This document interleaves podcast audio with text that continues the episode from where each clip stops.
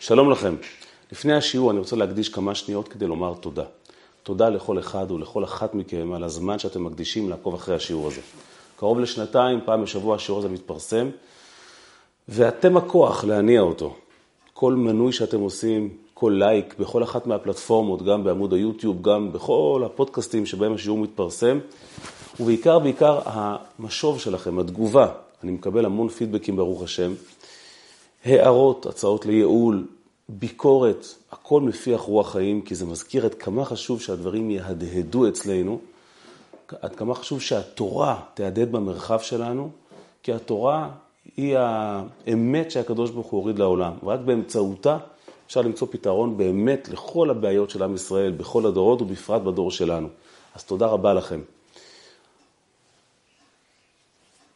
אנחנו נמצאים בזמן של בין המיצרים. בזמן הזה, כל הרבנים והדרשנים באופן טבעי מדברים על אהבת ישראל ואחדות ישראל, כי, כי זה הזמן, זה מה שכתוב בספרים. אבל בעידן שלנו עושה רושם שהזעקה לאחדות ואהבה לא מגיעה מהספרים, היא מגיעה מהרחוב. כולנו עדים לפצע הנורא הזה שכל אחד מאיתנו חש בגלל הפילוג והאווירה לא נעימה, האנרגיה השלילית שיש בעם שלנו בתקופה האחרונה, והיא תחלוף מהרה בעזרת השם. והדבר הזה מזכיר זוגיות רעילה, או יחסי אנוש רעילים, כשאתה חי ליד בן אדם שמוצא סיפוק משום מה בלרוקן אותך נפשית, בלבטא את השליליות שלך, בלא לפרגן, בלדרוך עליך, בלהיות ציני. כמו שזה בין אנשים, זה גם בין מגזרים, והדבר הזה פוצע את הלב. מאיפה הדבר הזה נובע ומה הפתרון? על זה נדבר היום, לאור הפרשה והזמן שבו אנחנו חיים. אני נזכר, שמעתי ממורי ורבי הרב יואל קאן עליו השלום, שבשנות ה-70 יצאה חוברת ברחבי ניו יורק. זה בעצם היה סוג של פשקוויל כנגד הרבי מלובביץ'.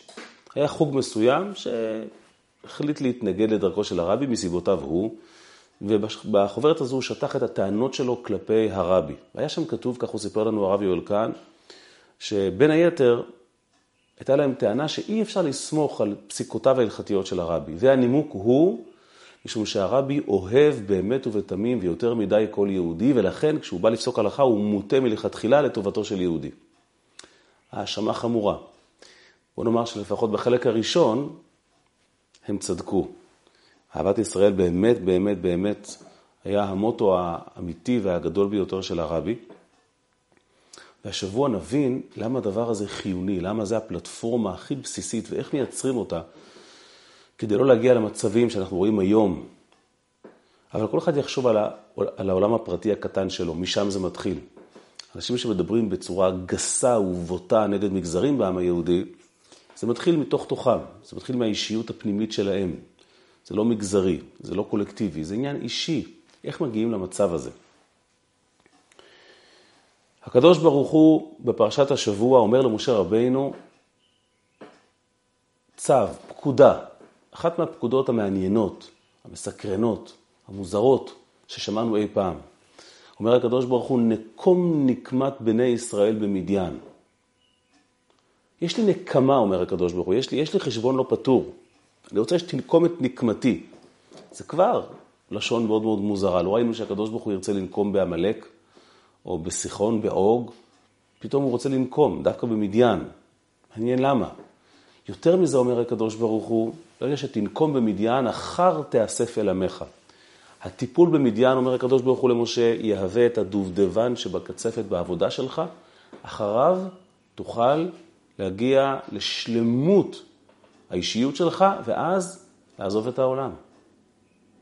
כמה דבקות בקדוש ברוך הוא צריכים כדי להסתער על משימה כזו, שבעצם האחרונה בחייך היא זו שמשלימה את חייך, ובעצם איתה אתה עוזב את העולם. נקום נקמת בני ישראל במדיין, אחר תאסף אל עמך. למה הקדוש ברוך הוא רוצה לנקום במדיין כל כך? מה רע במילה להעניש או ללחום? למה לנקום? ממתי הקדוש ברוך הוא, יש לו תאוות נקמה במישהו? על מה? ולמה זו השלמות של משה רבינו? חסרות משימות קדושות? תכתוב ספר, תגיד פלפול, תגיד דבר תורה, תעשה שלום בין יהודים. למה, למה זו המשימה האחרונה שמשה צריך להתפלש בה כדי להגיע לשלמות רוחנית, להילחם, לנקום במדיין? מה יש במדיין? שמתם לב שלמשה רבינו יש, יש משיכה מיוחדת למדיין. עוד כשהוא היה נער צעיר, ברח מהארמון של פרעה, הוא ברח למדיין, ושם הוא גדל עשרות שנים בחייו. יותר מזה, הוא הרי נשא אישה מדיינית, ציפורה. זה הרי מה שפנחס הטיח בו. מי התיר לך לקחת מדיינית? והמדהים מכל, שעד שחותנו יתרו לא הגיע ואמר, אתה ידעתי כי גדול השם מכל האלוקים, עד שבא יתרו חותנו והודה שהקדוש ברוך הוא בעל הבית, לא יכול היה להיות מתן תורה. מתן תורה נמצא בפרשת יתרו.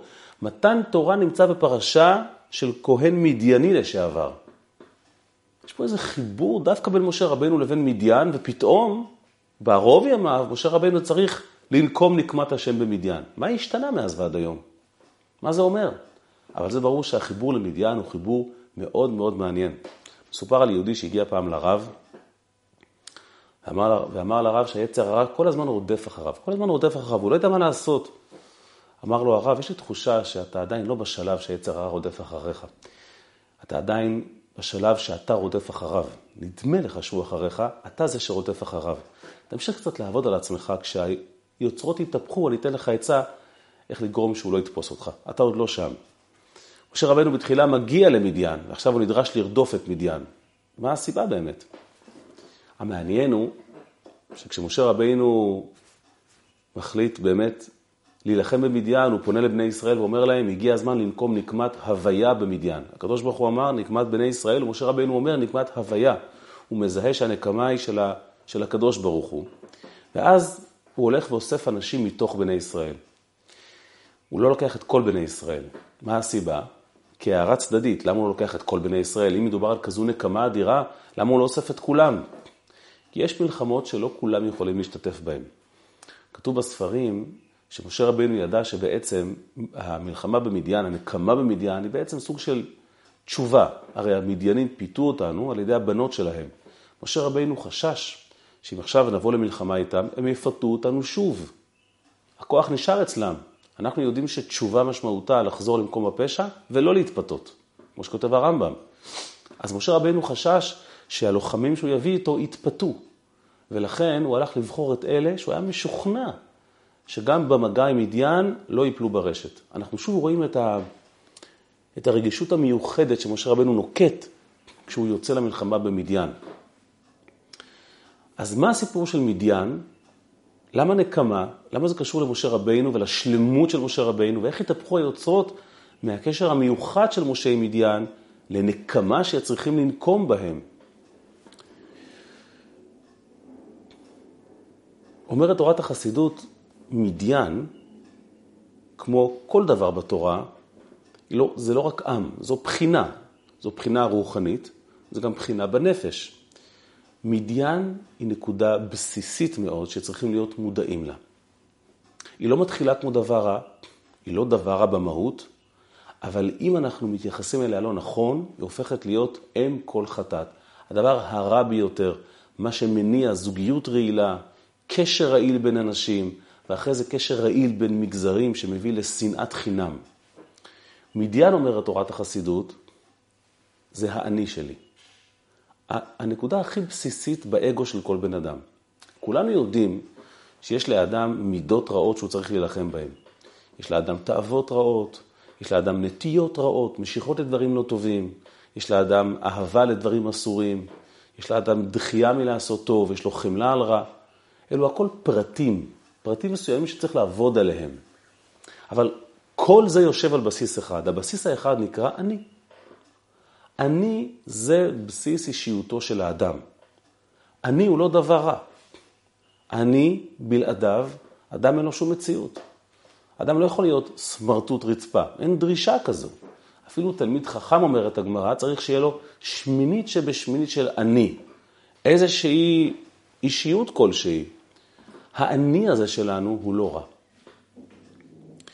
אבל הוא כלי. במה צריכים למלא את הכלי הזה של האני? במשה רבינו. משה רבינו הוא הדבר שמתקן את האני שלנו ושומר עליו מפני התפתחות שלילית. מדוע? כי האני שלנו, כשהוא במקום הנכון והבריא שלו, הוא פלטפורמה לכל הדברים הטובים.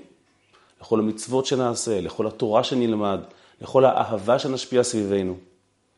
אבל אם אנחנו לא מטפלים נכון באני הזה, כפי שתכף נלמד איך עושים אותו, על ידי משה רבינו, האני הזה הופך להיות מהות הכל, חזות הכל. הוא נהיה הדבר שאני משקיע בו. וכשמשקיעים באני והוא נהיה המוקד של חיינו, זה נהיה הרסני. קוראים לזה נרקסיזם, ונרקסיזם הוא דבר רעיל שכדאי לברוח ממנו. למה האני ומשה רבינו קשורים זה בזה?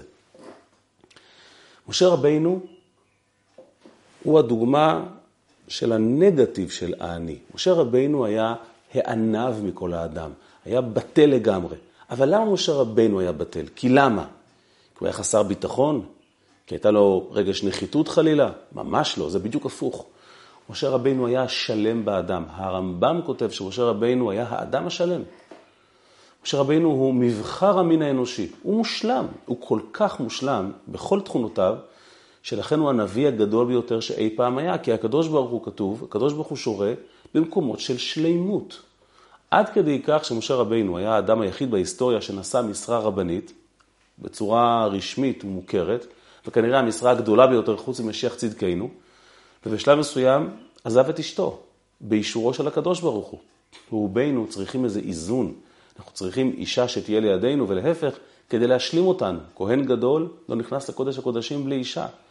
רב על קהילה לא יכול להיות בלי שהוא נשוי. משה רבינו היה לבדו. הוא היה כל כך שלם, שהוא לא היה צריך את האתגר הזה. האדם היחיד בהיסטוריה שגם בלי זוגיות הוא היה מושלם. למה? כי הוא ענב מכל האדם אשר על פני האדמה. האני שלו הפך להיות פונקציונלי לגמרי. מהי ענווה? מי שחושב שענווה משמעותה אני כלום, אני אפס, אני סמרטוט, מתבלבל. זו לא ענווה, זו מחלת נפש. ענווה לא משמעותה לחשוב שאני פחות מכולם, אלא פחות לחשוב על עצמי. אני חוזר על זה שוב, כי זה המוטו של השיעור שלנו. ענווה לא משמעותה לחשוב שאני פחות מכולם, אלא פחות לחשוב על עצמי. וזה מה שמשה רבינו מייצג. משה רבינו מעולם לא עסק בעצמו. הוא עומד היכון תמיד תמיד לקבל את דבר השם אל תוך תוכו. מתוך השלמות שלו, הוא כל כך שלם, הוא כל כך בטוח, שהוא יכול להניח לאני שלו, ולאפשר לאני הזה להיות כלי לקדוש ברוך הוא. לכן משה רבינו הוא האדם היחיד שמוסמך לטפל במדיין. לכן הוא נמשך לשם מגיל צעיר. מדיין, המילה מדיין בתורת החסידות היא מלשון מדון. מדון ומריבה. מדוע? כי מדיין מייצג את האני. הוא השורש לכל דבר שיבוא אחר כך. זה יכול להיות רע, אם אתה באמת הופך את האני לפונקציונלי, לכלי, או שאתה הופך את האני לחזות הכל. אם אתה עסוק באני שלך, אפילו בגישה של כביכול שפלות, אני שום דבר, אני כלום, אני פחות מכולם, מאוד מהר אתה תשנא את כולם. אבל אם אתה ממלא את האני שלך במשה רבינו, שזה בעצם אומר שהגישה אומרת שהאני שלך לא הוא שמנחה אותך, כי אתה לא עסוק באני, אתה עסוק בשאלה מה אני עושה עם האני, לא באני עצמו. איך אני מתרגם את כל התחושות שלי לדבר יעיל סביבי. אני לא עוסק באיך אני נראה בעיני אנשים, או מה המעמד שלי בתוך אה, העם שבו אני נמצא. אני עוסק בשאלה מה אני שלי תורם לסביבה, מה אני שלי מוסיף לסביבה, אין דבר מרפא מזה. ולכן, המפגש של משה רבינו עם מדיין, רק הוא יכול לאפשר את מתן תורה. מתן תורה ניתן לבני אדם, הקדוש ברוך הוא מצווה אותנו, תעשו בשבילי א', ב', ג', ד'. אדם שהאני שלו מעורער, אדם שהאני שלו לא בטוח, אדם שעסוק באני שלו, כמו אדם שכל היום מול המראה, כשהוא שומע מהקדוש ברוך הוא שלל ציוויים, התחושה שלו שמנסים לרמוס אותו, רוצים לבטל אותי, רוצים להקטין אותי, כמה ציוויים, אני עבד שלך? מה אני שלך? אדם כזה לא בריא שיקבל תורה, לא נכון שיקבל תורה. הוא לא יתפוס נכון את הציווי האלוקי. אני רואה את זה הרבה בהרצאות, כשאתה אומר לאנשים, אתם צריכים, אתם מוכרחים, אנחנו, אנחנו צריכים, כולם צריכים לתת לנו. הקדוש ברוך הוא חייב לנו, לא אנחנו לא. כשאדם אומר דבר כזה, הוא מפגין חולשה אדירה, כי זה מראה שהוא כל הזמן טרוד ועסוק באני שלו, כי האני שלו לא שלם, האני שלו סדוק. ואז הוא לא מסוגל לקבל עול, לא מסוגל לקבל מרות, לא מסוגל להבין שהכוח הגדול ביותר זה מיזוג עם מישהו שהוא גדול ממך. או בכלל עם מישהו. ולכן, עד שמשה רבנו לא מגיע למדיין ומתחיל לתקן את הקליפה הזו, אי אפשר לקבל תורה. התורה רק תעשה נזק. כשזוג באים אליי לשיחה, כי יש מתח ביניהם, אם אני לא מזהה שאחד מהם לפחות רוצה את התהליך, כלי אליו, אין עם מי לדבר, לא יעזור שום דבר. כל הוראה שתאמר לו, כל עצה שתגיד לו, הוא מיד לוקח את זה בתור ריסוק לאגו שלו, הוא נעלב, הוא מתבצר בעמדה שלו, ואין עם מי לדבר. לכן משה רבינו היה חייב לפגוש ולשבת במדיין כדי להכשיר את הדרך לקבל תורה. כדי להפוך את האני של המדון. מדון משמעותו, אנחנו הולכים סביבים מפריעים לי, הם מאתגרים אותי. למה שהם, למה שהם יאתגרו אותך? למה שהם לא ישלימו אותך? הכל תלוי בתפיסה שלנו. לכן משה רבנו יושב שם, להנחיל שם את התפיסה שלו, את הביטול שלו, וכך הדרך נסללת לקבל את התורה. האני שלנו הוא לא רע, הוא הופך להיות רע כשהוא נהיה העיסוק המרכזי בחיינו. בן זוג נרקסיסטי הוא בן זוג שכל כך לא בטוח בעצמו, הוא כל כך נחיתי, שהדרך היחידה שלו לבנות את האישיות שלו היא לרסק את האישיות שלך. הוא מתמלא, הוא ממלא את האני שלו על חורבות האישיות שלך. הוא ציני כלפיך, הוא מוריד אותך, הוא לועג לך, ואז הוא מרגיש גדול, ואז הוא מרגיש חזק. הוא כל כך מרוכז בעצמו שהוא נהיה חלש יותר ויותר, ורק הצער שלך גורם לו להרגיש שהוא שווה משהו. זה דבר נורא. איך אפשר לטפל בדבר כזה? זה רק שינוי תודעתי שמתחיל מכאן. כי משה רבינו הוא איש האמונה והחוכמה שלמעלה מהשכל. זה תפקידו, איש האלוקים, ויאמינו בהשם. כשאתה ניגש לזה מבחינה תבונית, לא בטוח שתוכל לעזור. כי התבונה מיד תזין את האני הזה לרצות עוד ועוד לקחת אנרגיות מאחרים. צריכים כאן משהו שהוא מעל השכל. משהו שנותן תחושה של ביטול, אבל ביטול חיובי. משהו שאומר, אתה יותר גדול מכל זה. למה אתה מתעסק בדבר הזה בכלל? האני שלך יכול להיות הרבה יותר מושלם אם תפסיק לפחד, אם תפסיק לחיות בהכרה שכל הזמן לוקחים לך. לכן המפגש עם משה רבינו ומדיין הוא קריטי כל כך. אם נעמיק טיפה, אנחנו יודעים שהתורה אומרת שאדם נברא לחיות 60 שנה. כתוב, ימי שנותינו בהם 70 שנה. אמרתי 60, 70 הכוונה. 70 שנה, ימי שנותינו בהם 70 שנה. למה 70? מה רע ב-120? למה להגביל את החיים? אומרת תורת החסידות, כשהתורה אומרת שאדם חי 70 שנה, היא לא מתכוונת באמת 70 שנה, אלא היא מדברת על המטלה, על העבודה שלנו. האדם נברא בעיקר לתקן את טבע המידות שלו, לתקן את האהבה, לתקן את החמלה, את האמביציה, את החיבור, את הכניעה. כל הממשק הזה שמחבר אותי לסביבה שלי. האדם נברא לברר ולתקן טבע מידותיו, והתורה הקצתה לכל מידה עשר שנים. שבעים שנה. למה עשר? כי עשר זה שלמות. זו הסיבה שעם ישראל כולו נכנס לארץ, הוא כבש את, הארץ, את, את ארץ ישראל מדי שבעה עמים. כל עם כזה, הכנעני, החיטי, האמורי, היבוסי, מייצג מידה אחת רעה. אהבה שלילית, דחייה מעוותת. וזו הסיבה שכשיצאנו לגלות הראשונה שלנו, אחרי חורבן בית ראשון, יצאנו ל-70 שנות גלות. 70 שנות גלות היא המשך ישיר של התיקון של שבע המידות הרעות ששבע העמים שישבו בארץ מייצגים. מה קורה כשאני מתקן את המידות הללו? מול כל מידה רעה נמצא שם קדוש של הקדוש ברוך הוא. מול הכנעני, מול החיטי, מול האמורי, ניצבים שבע השמות של הקדוש ברוך הוא. שבעת השמות של הקדוש ברוך הוא. כל, אלוקים, צבקות, ש"ד הוויה, אדנות. כל שם כזה של הקדוש ברוך הוא מייצג מידה טובה של הקדוש ברוך הוא. אהבה אלוקית, חמלה אלוקית וכולי וכולי. זה בעצם הפעולות של הקדוש ברוך הוא, סך הפעולות של הקדוש ברוך הוא בעולם. אז יש לנו שבעה עממים, יש לנו אה, שבעה שמות, 70 שנה לתקן את זה ב-70 שנות גלות. זו הסיבה שהגלות הראשונה שלנו הייתה קצובה בזמן. אבל מי המניע מאחורי המנגנון ההרסני הזה של שבע המידות הרעות? אפילו אם טיפלתי בהם, אם לא טיפלתי בשורש, לא באמת באמת תיקנתי את עצמי. העבודה הבאמת מהותית זה עם השורש של המידות הרעות, והשורש של כל המידות הרעות זה האני. או יותר נכון, הגישה הלא נכונה ביחס לאני שלי.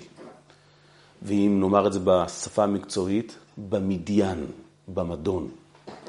אני יכול לטפל בכך שהאהבה שלי תהיה אהבה זכה, שהחמלה שלי תהיה טהורה, אבל אם כל הגישה הזו נובעת מעיסוק אובססיבי באני שלי, בסופו של דבר, אני עדיין בגלות.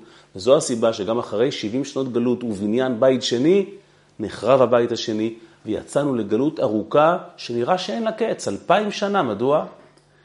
כי לשים את האני שלי במקום הנכון שלו זאת עבודה אדירה שאין לה סוף. למה? כי קשה לזהות את זה. זה נורא חמקמק. אני מרגיש שהאדם הכי שפל בעולם. מי אני בכלל? אני, אני כלום, אני אפס. ואז על הדרך אני הורס לכולם את החיים ברוב שאני כלום ואני אפס. אתן לכם דוגמה פשוטה מהחיים שלנו היום, כמה הדבר הזה חמקמק. אנחנו רואים הרבה פעמים מגזרים שיוצאים חוצץ נגד לומדי תורה, נגד יהדות לצערנו הרב. הם לא אשמים, זה חינוך שהם קיבלו, אבל איך אתם מסבירים את זה שהמגזרים האלה הם בדרך כלל מגזרים שבעים ועשירים דווקא, כאלה שלכאורה יש להם, יש להם הכל בחיים, והיו צריכים להיות שלווים ורגועים ולפרגן לכולם בשיא. בשיא הקוליות, כמו שאומרים. דווקא הם תמיד יוצאים חוצץ נגד הפרזיטיות ונגד ה... נגד המסורת שלנו. מה אתה רואה מכך? מה אתה לומד מכך? שכסף הוא רווחה כלכלית, ואפילו ייעוד מקצועי לא מביא איתו שלווה. למה? כי כל הדברים שאמרתי עכשיו, כסף והישגים מקצועיים, מנפחים את האני שלי, ואז האני שלי צורך הרבה יותר. הוא צורך הרבה יותר משאבים של אה, לפצות על הנחיתות, כלפי העולם כולו, כלפי עצמי, וזה מגיע לידי שאני מקטין מישהו אחר. רק כשאני אקטין מישהו אחר, אני אבוא לשלמות, שאני אטיף מוסר לכולם. לא עוזר המעמד, לא עוזר הכסף, הוא רק מחריף את הבעיה. אלו אנשים טובים, מדהימים, שדואגים לבעלי חיים ולכל מיני שונאי ישראל, אה, שעוזרים להם ותורמים להם. כשזה מגיע ליהודי אחר, פתאום פה הם מתפרקים. כולם טועים וכולם לא בסדר. מה הסיבה? חור שיש להם באישיות של עצמם. כשאתה עסוק כל היום באני שלך, האני שלך נהיה יותר ויותר רעב, ורוצה יותר ויותר לזלול את האני של האנשים שסביבך. ולכן אין תרופה אחרת למדיין, אין תרופה אחרת לאני שלנו, אם לא משה רבינו בעצמו, שהוא סמל הביטול שמשמעותו, אני זה בסדר, כשהוא כל הזמן לא המטרה, אלא רק האמצעי. הוא נועד לעשות משהו טוב, הוא לא נועד לטיפוח. כי אם אתה מטפח אותו, הוא לעולם לא ידע שובע. כמו שמשה רבינו עצמו חי.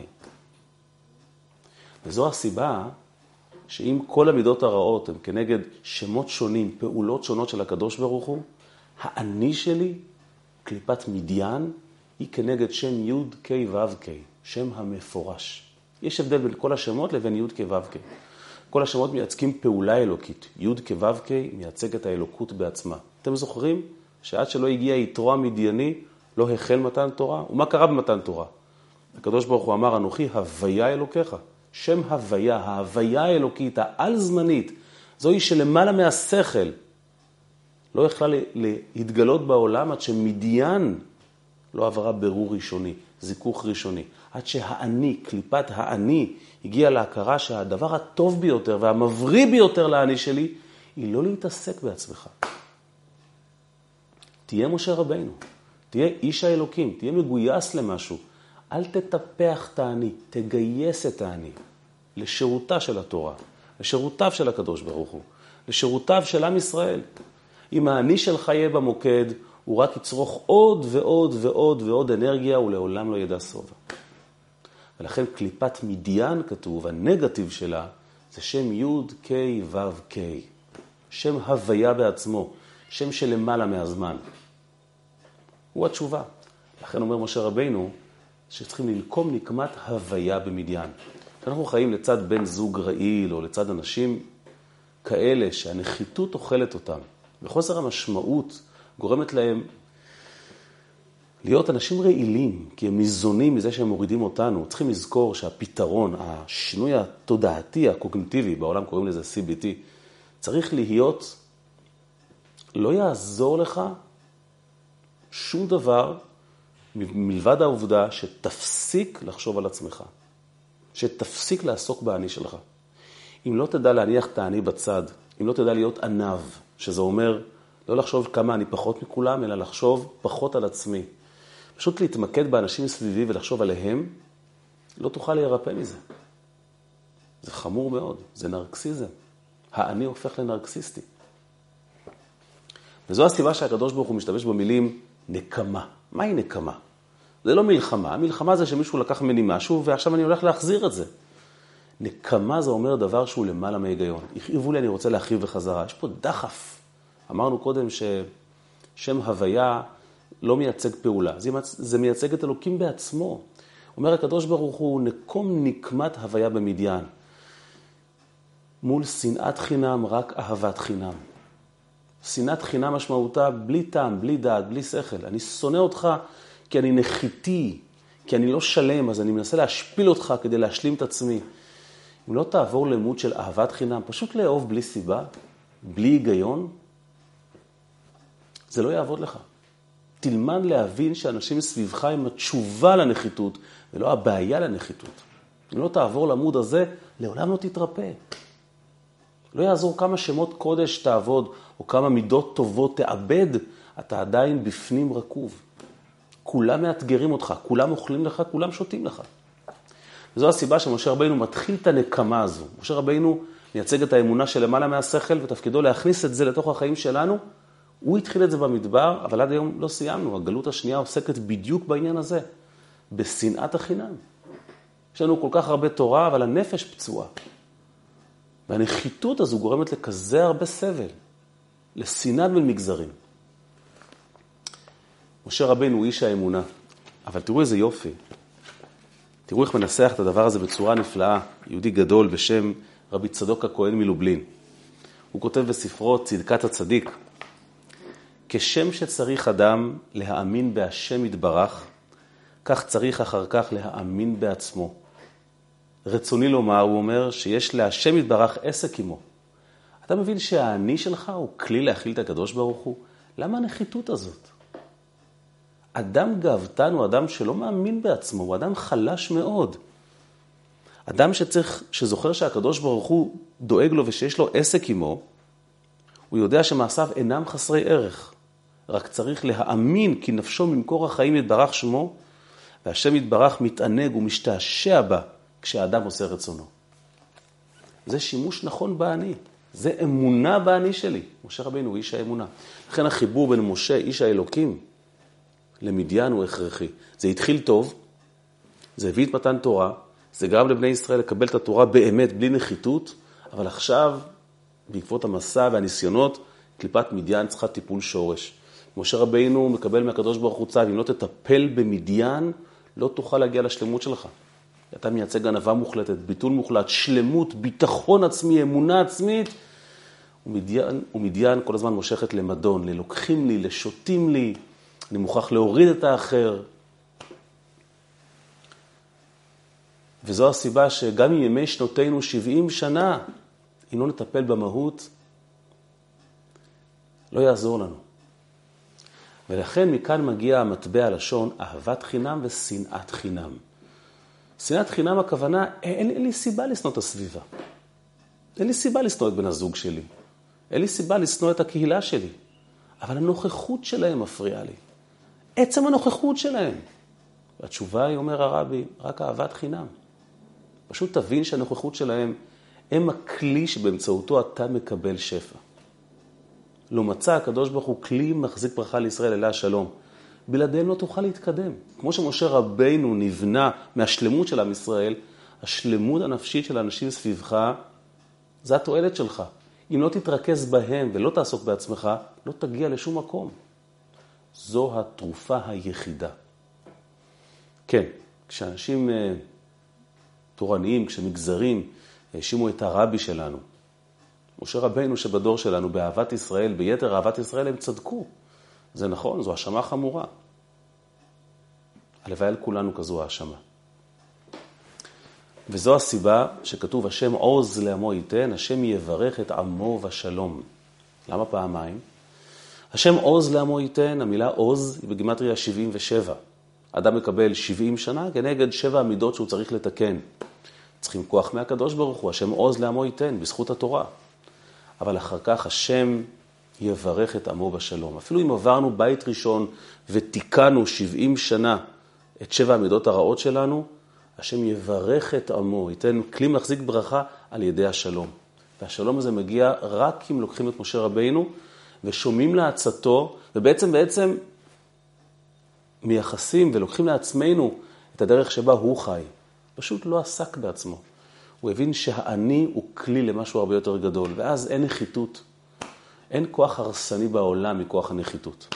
אתם יודעים שהצורר הגדול ביותר שקם לעם היהודי, יימח שמו וזכרו, היטלר, הוא היה אדם נחיתי. זה היה האסון הגדול של כולנו. הנחיתות שלו, בפרט כלפי היהודים, היא זו שהניעה אותו. זו קליפה שאסור להסכים לה, צריך לנקום בה. נקומה. נקמה בנחיתות הזו, בהכרה שאני מוכרח להוריד את כולם סביבי. השם יעזור, אנחנו נרבה באהבת חינם, מתוך ענווה אמיתית. ענווה שמשמעותה, אני לא צריך לעסוק בעצמי. הסביבה משלימה אותי, הסביבה מרימה אותי. ואני מגיע לזה על ידי העובדה שאני עסוק עם הסביבה. והפרט המעניין, שכתוב שמלחמת מדיין זו המלחמה שיש בה שני פרטים ייחודיים. א', זו המלחמה היחידה שגם שבט לוי התגייס אליה. לא ראינו דבר כזה באף אף מלחמה אחרת. כי שבט לוי היו לומדי התורה של עם ישראל, ואף פעם לא גייסו אותם. הלימוד שלהם הציל אותנו פעם אחר פעם, ופה משה רבנו גייס אותם. מה זאת אומרת? שלמלחמה הזו גם בחורי הישיבה צריכים להתגייס. כשהם יוצאים מהישיבה לרחוב ורואים את גלי ההדף של הנחיתות שמביאה לשנאה, אסור להם להיגרר אחרי הדבר הזה. הם צריכים להשיב באהבה שהם קיבלו מהתורה, מהתובנה הזו שהם שלמים. אתה שלם, אין לך נחיתות, אתה לא צריך לתקוף. ודבר שני, כתוב בתורה שבמלחמה הזו, כל ישראל חזרו ללא פגע. כולם חזרו שלמים. פעם ראשונה בכל המאבקים שניהלנו במדבר, אפילו הנכשלים חזרו שלמים. מה זה אומר? זה אומר שכשישנה שלמות נפשית, כשישנה ענווה אמיתית, כשישנה הכרה בכך שהאדם שמולי הוא לא אתגר, הוא הפתרון. כשמשה רבינו ממלא אותי, ולא המדיין, לא שנאת החינם, לא הנחיתות, גם כשיש אתגר מבחוץ, גם כשישנה מלחמה, אף אחד, לא, אף אחד לא יכול לפגוע בנו. כשאתה לא פגיע בעצמך, אי אפשר לפגוע בך. השם יעזור שנתמלא בצו של משה רבינו, ניפטר מהעדים הרעילים של השנאה, ואז, כמו בעבר, נזכה לכך שאף אחד, אף אחד לא יוכל עלינו, ונזכה למשיח. משיח שמבטא את דמותו של משה רבינו, אבל בעידן הבא של שלמות עולמית, שאפילו הזאב לא צריך להיות שבע על ידי זה שהוא מכאיב לכבש. עולם מושלם, מגיע מתוך נפש מושלמת, מגיע מתוך אני מושלם, מתוך ענווה גדולה, מתוך הכרה שהאני שלי הוא פונקציונלי ואני לא צריך לעסוק בו, אני יכול להניח לו. ואז השינוי התודעתי הזה מביא שלום. השם יברך את עמו בשלום.